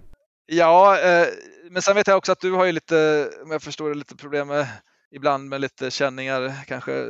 Så det ska man alltid väga in. Jag menar inte mm. att man ska, eh, det är då jag i mitt fall lägger in mycket kvar, eller alternativträning för att få upp volymer liksom för att slita ner kroppen lite grann med många timmar. Eh, då. Just det. Men skulle jag vara helt hel, ska jag säga också, då är ju löpning givetvis eh, den centrala träningen för en löpare givetvis. Men att då, om man är lite halvskadad eller vill inte bli det givetvis, vilket man inte vill, då kan du fylla ut med, byta ut några pass mot crosstrainer eller, ja, jag gillar ju rodd, men man, man har någon, någon, form som man tycker är ganska rolig. Då spelar det inte så stor roll vad det är, men att eh, du lägger motsvarande liksom lätta distanspass och då fyller du ut med pass på alternativt. Fast kan du köra löpning, då tycker jag då ska du eh, upp på ja, 12-13 om du liksom eh, får till tiden. Då tror jag att du kan få jätteeffekt på det om du går upp några veckor och sen så går ner till normala volym igen. Så där. Då tror jag att du kan få nytta av det. Ja, men jag ska se vad jag, vad jag vågar. Just nu, ja. mår, just nu mår ju faktiskt kroppen bättre än typ den har gjort på hela perioden med podden. Så att just nu kanske jag har eh, möjlighet att gå upp lite grann. Sen är det ju alltid en avvägning där. Man vill ju inte komma tillbaks till en massa hälseneproblem och grejer. Men eventuellt att jag ska kunna börja jobba in lite alternativt. Det är bara det att löpningen känns så oerhört mycket roligare. Så att eh, jag har ju svårt att gå och ro eller köra crosstrainer om jag inte måste. Men eh, där får jag kanske tänka om lite. Um, det börjar bli långt här Erik. En annan grej som är lång är ju ultralopp. Jag tänkte bara lite då för att Erik också ska få lite tips. Han ska ju springa 100 kilometer i Växjö, eh, tror jag veckan efter Valencia. När du tränar mot ultralopp då, typ som Ultravasan, kör du ungefär likadant förutom att du kanske eh, försöker få upp volymen ännu mer och, och kanske såklart har några längre långpass eller hur tänker du inför ett sånt lopp? För det första så vill jag säga att jag eh, snappar upp mycket tips av Erik i er podd när det gäller Ultra. För jag, även om jag har hållit på länge så nu Ultravasan var ju egentligen första loppet som jag fick till att jag höll mig hel och faktiskt genomförde. Så, att, eh, så jag har lyssnat mycket på Eriks eh, faktiskt er podd och tänkt testa ganska mycket. Det har varit intressant. Så det är riktigt långa långpass har jag ju känt att det, det, det är det centrala tycker jag. Och I mitt fall så har jag tänkt så att eh, färre löppass men generellt längre när jag springer. Eh, för att det, det handlar ju om att värna kroppen med att eh, nöta på länge sådär och då men jag tycker som sagt att Erik har, jag har tagit mycket tips av honom faktiskt när jag har lyssnat. Vad kul! Ja men då slapp vi den frågan. Det är ju ja. du som lär av Erik. Ja, han, har gjort, han har gjort jättebra resultat, imponerande faktiskt. Ja, verkligen. Ja, jag hörde att du var lite inspirerad. Du har inte gjort någon sån här Mara-vecka ändå? Du gjorde bara tre mil per dag eller vad det var? Ja, fast det var lite faktiskt, det får jag säga till Erik, att det var lite inspirerat av eh, hans den här maratonveckan och sådär. Så att, eh, sen har jag nog ett sug att eh, faktiskt testa 100 kilometer eh, jag också, men eh, jag var lite, eh, det får vänta lite grann, men jag har någon tanke att det skulle vara kul att givetvis. Jag har ju inte gjort det. Så att... ja, vi tror att du kommer vara otroligt bra på det. Så att, du kommer ta Eriks EM-plats direkt. ja, vi får ta kanske en varsin om vi, om vi om vi sköter våra kort rätt då, i så fall. Ja, om ni båda kommer med till något sånt ja, mästerskap ska jag åka ja. med och eh, langa dricka, det lovar jag. Ja, ehm, men till sist då, vad tror du, vad händer framöver här? Kommer du, det är liksom Valencia du hoppas på eller kan du tänka dig att åka till Malaga eller något liknande veckan efter? Du vill få in en, en marar till nu när du är i så bra form eller? Ja, men jag känner så att eh, det vore kul och eh, annars det enda jag egentligen har vetat eh, och det vet jag fortfarande, det var Eh, efter Ultravasan i år så visste jag att eh, det där vill jag definitivt göra om seriöst minst en gång till. Eh, så det, för jag tyckte att jag lärde mig så mycket av det loppet och eh, eh, så. Eh, men sen har det gett mer smak som sagt Berlin och Stockholm så att därför så ja, eh, Valencia eller Malaga eller eh, någon mara där i närtid känns väldigt eh, lockande faktiskt. Du ska ha tusen tack Erik. Det känns som att vi kanske någon gång får ringa upp igen. Det är så mycket grejer man skulle kunna snacka just med det här med alternativträning, eh, träna mycket fast man har familj. Eh, vad tänkte jag mer på? Det fanns ehm, det här med att optimera sig på tävlingsdagen. Alltså det finns väldigt mycket som du sitter inne på mycket kunskap om så att vi kanske återkommer någon gång. Men uh, du får tack för den här gången och tack för alla min tipsen. Nu lägger jag upp min period ut efter det här så får vi se. Det är ditt, ditt fel om det går dåligt. Ja, precis. Eh, det var jättekul Johan att vara med i er podd. Så, tack så mycket. Ja, men det där var alltså Erik Anfält, spelat fotboll i grunden, sen eh, mycket poker, gå all in när han väl börjar köra någonting, gillar ultra, springer gärna eh, tre mil om dagen, nio dagar i rad. Inte helt olik en annan Erik jag känner. Eller vad säger du? Nej, jag kände igen mig på vissa punkter här måste jag säga. Så att eh, jag tycker det, det, ser ju lovande ut här att eh, om man gör som Anfält har gjort, att man kan göra de här fantastiska tiderna senare. Så att jag, jag tar fasta på det och eh, hoppas att jag kan eh, springa lika många år som han har gjort nu här och eh, ja, kanske närma mig de resultaten. Det vore ju helt fantastiskt. Kul också att höra att Erik Anfält inspireras av Erik Olofsson.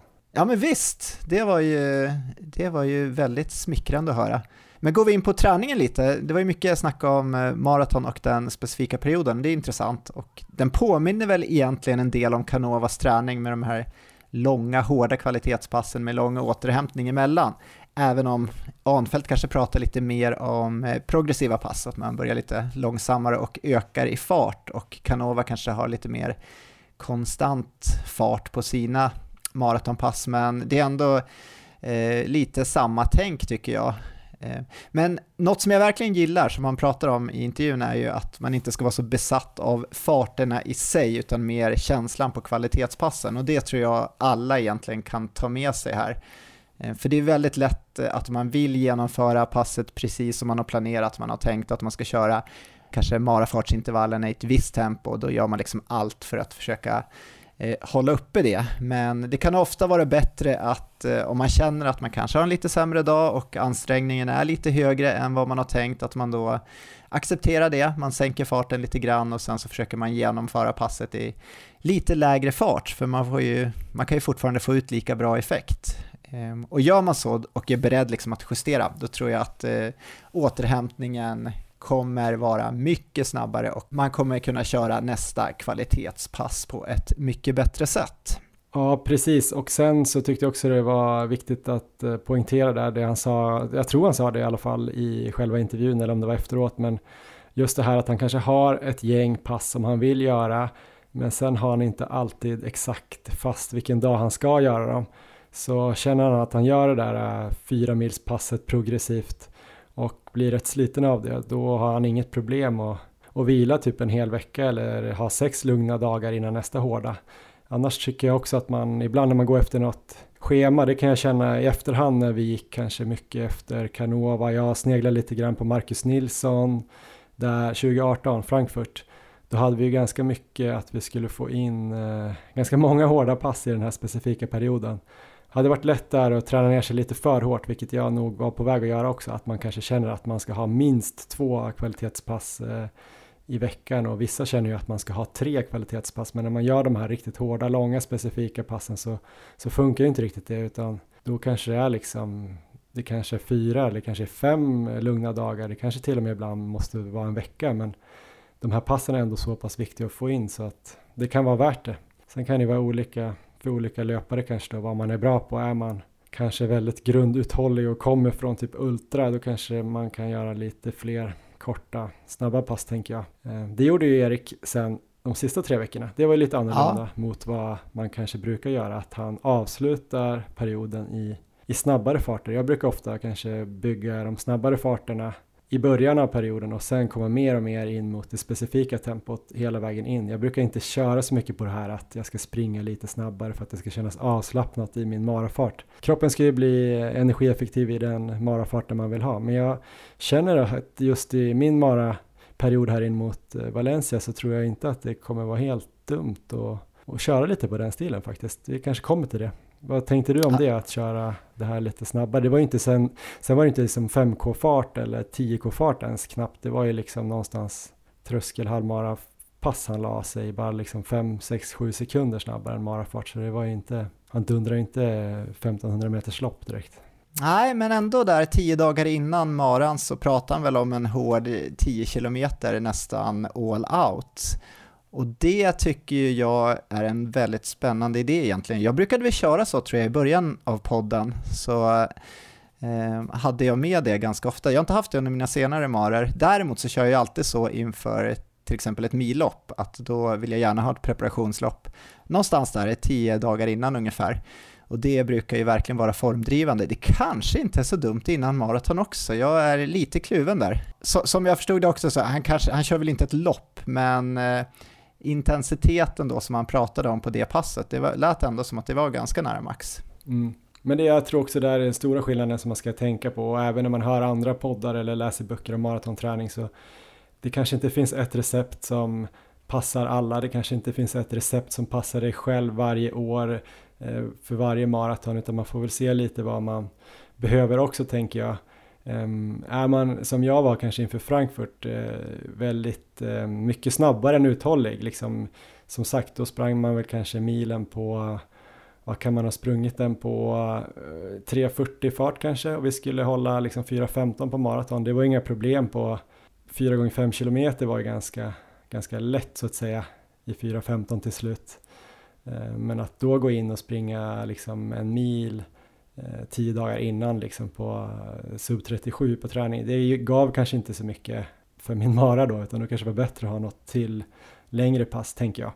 Så han var ju ganska nära i sina eh, farter där på mil och halvmara, Erik alltså. Ja. Så det är kanske är lite skillnad. Han behövde ju verkligen känna att han fick igång benen liksom. Men nu fick du många bra tips här Johan inför din satsning på maraton i Valencia. Vad kommer du ta med dig nu från den här intervjun när du ska planera upp din träning? Och eh, hur har träningen gått efter Stockholm? Har benen känts fortsatt bra? Hur kommer det se ut framöver? Jag kommer faktiskt inspireras ganska mycket av Erik Arnfeldt, för jag sa ju det i slutet av podden, då, då kan jag alltid skylla på honom om det går snett. Men, eh, nej då, men jag tycker att eh, som jag känner mig nu så tror jag att jag är i behov av några till sådana här långa hårda pass. Jag såg ju då både Lidingöloppet eh, 30 där och och eh, även då Stockholm Marathon som två bra långpass inför min eh, satsning mot Valencia. Och jag tänker mig att jag behöver minst ett sånt där eh, långt pass upp mot 40 som är ganska hårt. Så jag är lite sugen på att sno hans upplägg rakt av där att eh, ungefär fem veckor innan Valencia köra ett eh, 40 km pass eller något sånt där och antingen då springa hans pass rakt av, alltså det här progressiva 4 gånger 10 km utan vila eller vad man ska kalla det. 40 ja. km progressivt eh, och kanske då börja någonstans i 4.30 och gå ner mot 4 blankt eller strax under. Eh, eller då kanske göra något typ eh, Micke Ekvalls monsterpass som vi gjorde 2018. Det ja, tror jag det. landade på 38 eller något sånt där. Men någonstans där ett ganska hårt eh, pass till. Och eh, sen då tre veckor innan tror jag också att det är bra att ha det sista lite hårda men kanske inte fullt så långt då för mig. Och däremellan ska jag faktiskt springa Kullamannen 22 kilometer också när det är fyra veckor kvar. Det är ju bara 22 men då kommer jag försöka gå riktigt hårt där. Få ett halv långpass. Är den lika stökig som de här längre distanserna?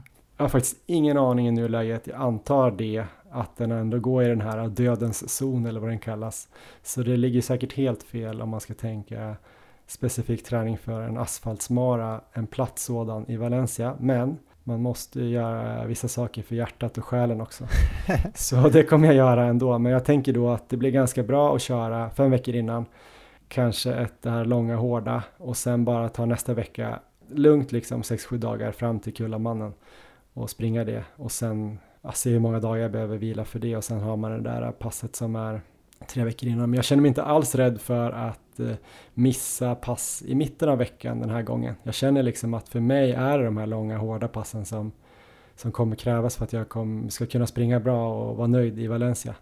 Så jag känner liksom, missar jag något sånt där, eh, ja, vad ska man säga, något så här eh, jojo-pass i mitten av veckan eller någon 4x4 km i marafart så får jag de här långa hårda passen då tror jag att jag kommer kunna springa bra men eh, sen får vi väl se hur jag gör. Han var inne på att jag skulle höja volymen ganska mycket nu närmsta tre veckorna. Och eh, jag blev lite sugen på att testa det. Att kanske köra då två veckor eller sådär nu. Där, vi kör, eh, där jag kör ganska mycket volym. Kanske kommer upp mot 11-12 mil. Dels ska vi ju faktiskt iväg nästa vecka ju och springa lite på Mallorca du och jag. Just det. Eh, så då har jag ju några dagar där jag kan ligga på ganska mycket mängd och sen veckan efter där, då blir det väl den veckan där jag måste köra ett hårt långpass. Så det blir ju fyra mil och så kan man kanske få in en del lugn, eh, bra löpning och kanske något kvalitetspass i början av veckan där. Eh, så då kanske det också kan landa runt 10-12 mil. Och sen funderar jag på att ha en downvecka med det här Kullamannen-loppet. Och sen två veckor med ganska mycket volym och sen är det väl två veckor kvar där jag kommer då trappa ner ganska brant jag tror att det känns ganska bra. Vad tycker du om det upplägget? Och de sista två veckorna där då kanske jag kan smyga in något med lite mer fart. Och det tror jag kommer göra här i början också. Typ eh, nästa vecka hoppas jag att du och jag kan springa någonting i alla fall lite snabbare. Nu vet jag att du ska börja träna för 100 kilometer men jag kanske kan lura med dig på något pass där man springer i alla fall lite snabbare än min marafart. Ja, men jag är sugen på det här fyra milspasset som du skulle köra. Kanske kan lägga det i slutet av Mallorca-veckan där så kan jag dra dig på det. Ja, men vad tänker du om eh, det upplägget då? Jag vet inte, ska jag vara mer konkret eller känner du ungefär att du fick en bild? Nej, men jag känner att det, det låter ju som Arnfeldts upplägg och det blir jättespännande att uh, se om det passar för dig också. Det tror jag mycket väl det kan göra så att det, jag tror det kan bli bra. Mm.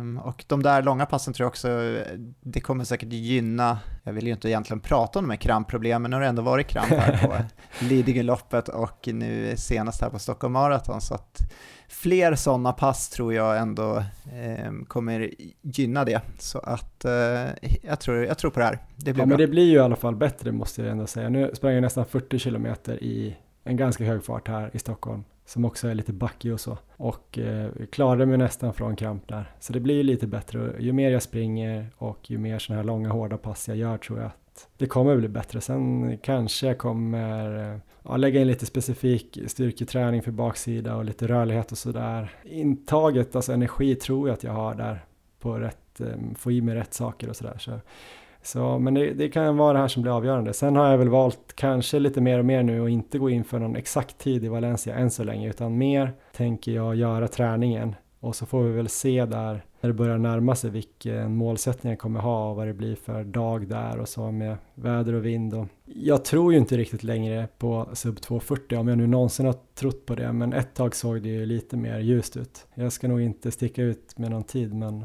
jag kommer nog göra det ändå, så jag säger väl att det vore kul ändå att klara de där 2.45 som jag hade som mål i fjol. Ja, men det låter, väl, det låter väl bra. Vi får väl se vart det landar med målsättningen till slut. Ni får väl följa med här i podden och, och, lyssna på hur det går med träningen så får vi väl se vad som händer. Ehm, du då Erik, eh, står du fast vid att ditt stora mål är då sub 7 timmar på 100 kilometer i Växjö i mitten av december? Eh, så är det Johan, och det här gissar jag att eh, många lyssnare av podden kanske har svårt att förstå, hur man kan välja att springa 10 mil i en inomhushall i Växjö hellre än att köra ett maraton på gatorna i Valencia, för jag är faktiskt anmäld där också. Eh, och jag kan väl börja säga med att jag gärna skulle gjort båda, men det är ju faktiskt mindre än en vecka mellan de här båda loppen, så det är ju helt omöjligt. Och jag har ju nu blivit tvungen att välja då ett mål. Och jag får väl ändå säga att det som inspirerar mig just nu är att träna mot 100 km och få till ett riktigt bra lopp där.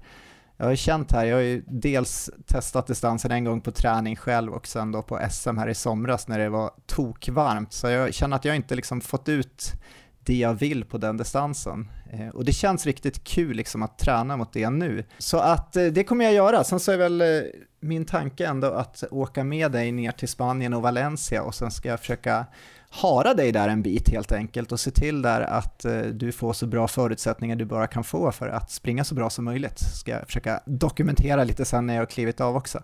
Mm. Men framförallt så känner jag att jag är på gång igen och det känns jäkligt härligt för det har varit ganska många avsnitt här på slutet när jag har klagat både på formen och eh, eh, på allt annat. Men det känns som att det är på väg att vända nu. Jag hade ju Stockholm Marathon här som som gick bra med eh, lätta ben och eh, ganska låg puls.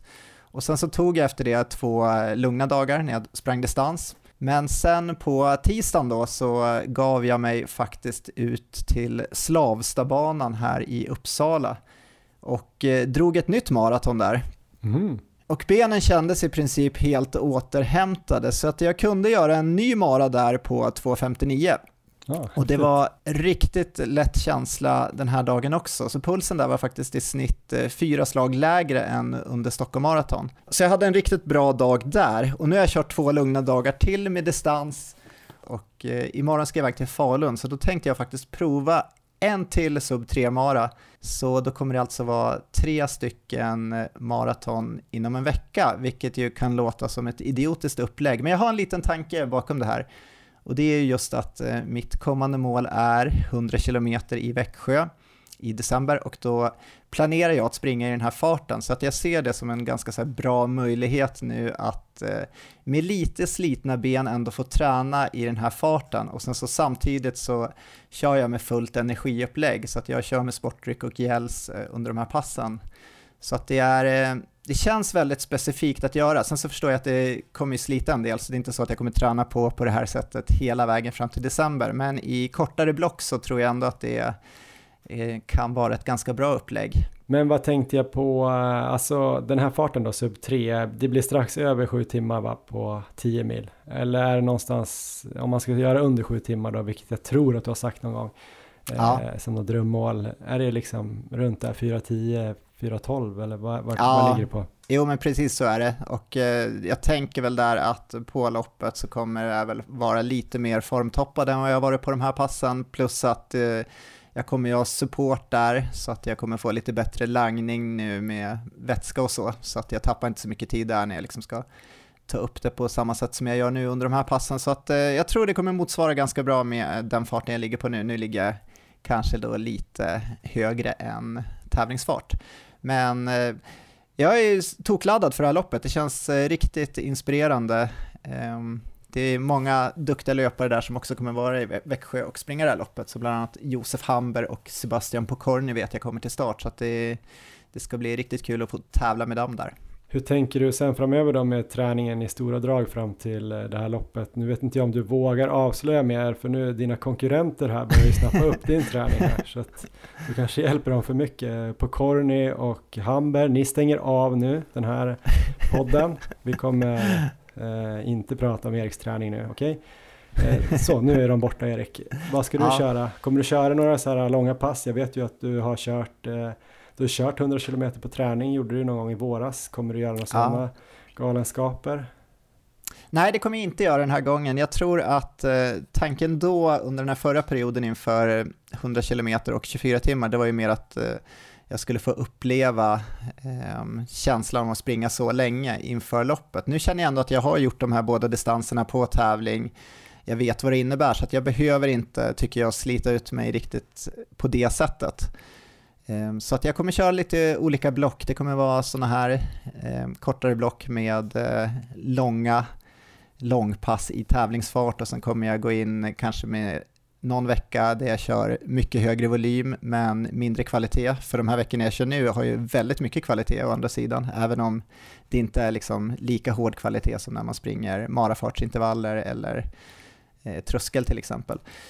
Och sen så kanske det blir eh, lite snabbare pass också, eh, väva in lite tröskelpass och annat. Så det kommer vara lite av varje. Jag eh, har inte liksom spikat planen helt eh, vecka för vecka, utan jag kommer se hur kroppen svarar och eh, ta det lite därifrån. Men eh, överlag så hoppas jag på hög volym med kontinuitet hela vägen.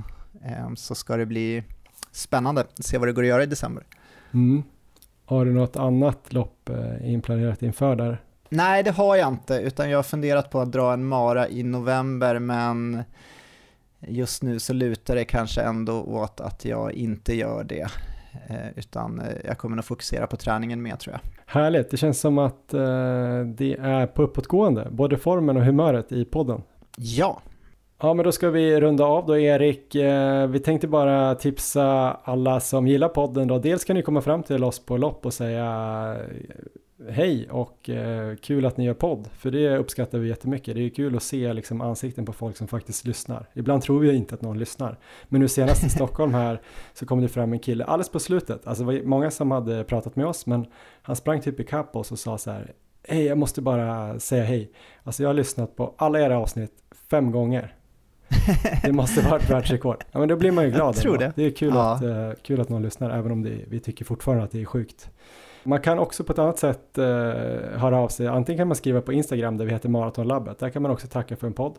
Man kan också gå in och recensera podden här på iTunes. Uh, så när man har lyssnat klart kan man gå in och sätta ett betyg och man kan ju skriva det man tycker helt enkelt. Sen som sagt eh, på Instagram här då också om ni har varit inne och kollat nu så är vi kanske då på Mallorca och springer i, eh, i varmt väder och i sol. Då har vi också på oss antagligen på några bilder där eh, solglasögon från ett företag som heter Spektrum eller Spektrum Sports. Det är faktiskt en bra kompis till oss, hennes man som är en av grundarna av det här företaget och många av deras glasögon heter ju Eh, samma saker som olika fjäll i, i Jämtland. Så det känns väldigt härligt att få springa med, med deras solglasögon som också är otroligt snygga och lätta. Eh, vi har också en kod faktiskt på då spektrumsports.com. Koden är helt enkelt Maratonlabbet och eh, nu kanske det inte är jättesoligt här i Sverige men passa på att gå in och lägg vantarna där på, på riktigt snygga solglasögon som, som är bra. Det här gäller då på performance-utbudet och det är 20% rabatt med den här koden Maratonlabbet. Eh, något mer Erik? Kommer det bli härligt att vara på Mallis eller? Ja men vi har kollat prognosen, det ser helt underbart ut med 20 grader ungefär och eh, solsken så att eh, mycket löpning, eh, god mat och mycket sömn. Så det kommer bli ett perfekt träningsläger här inför våra mål i december. Ja, vi får höras lite senare här om träningsupplägget. För jag kommer inte köra sub 3 maror eh, varje dag. Någon dag måste vi kunna träna ihop också. Så jag ska, jag kanske får bestämma varannan dag. Ja, vi får se om vi hittar, hittar på någonting här. Eh, ha det så bra Erik så hörs vi snart. Detsamma, vi ses.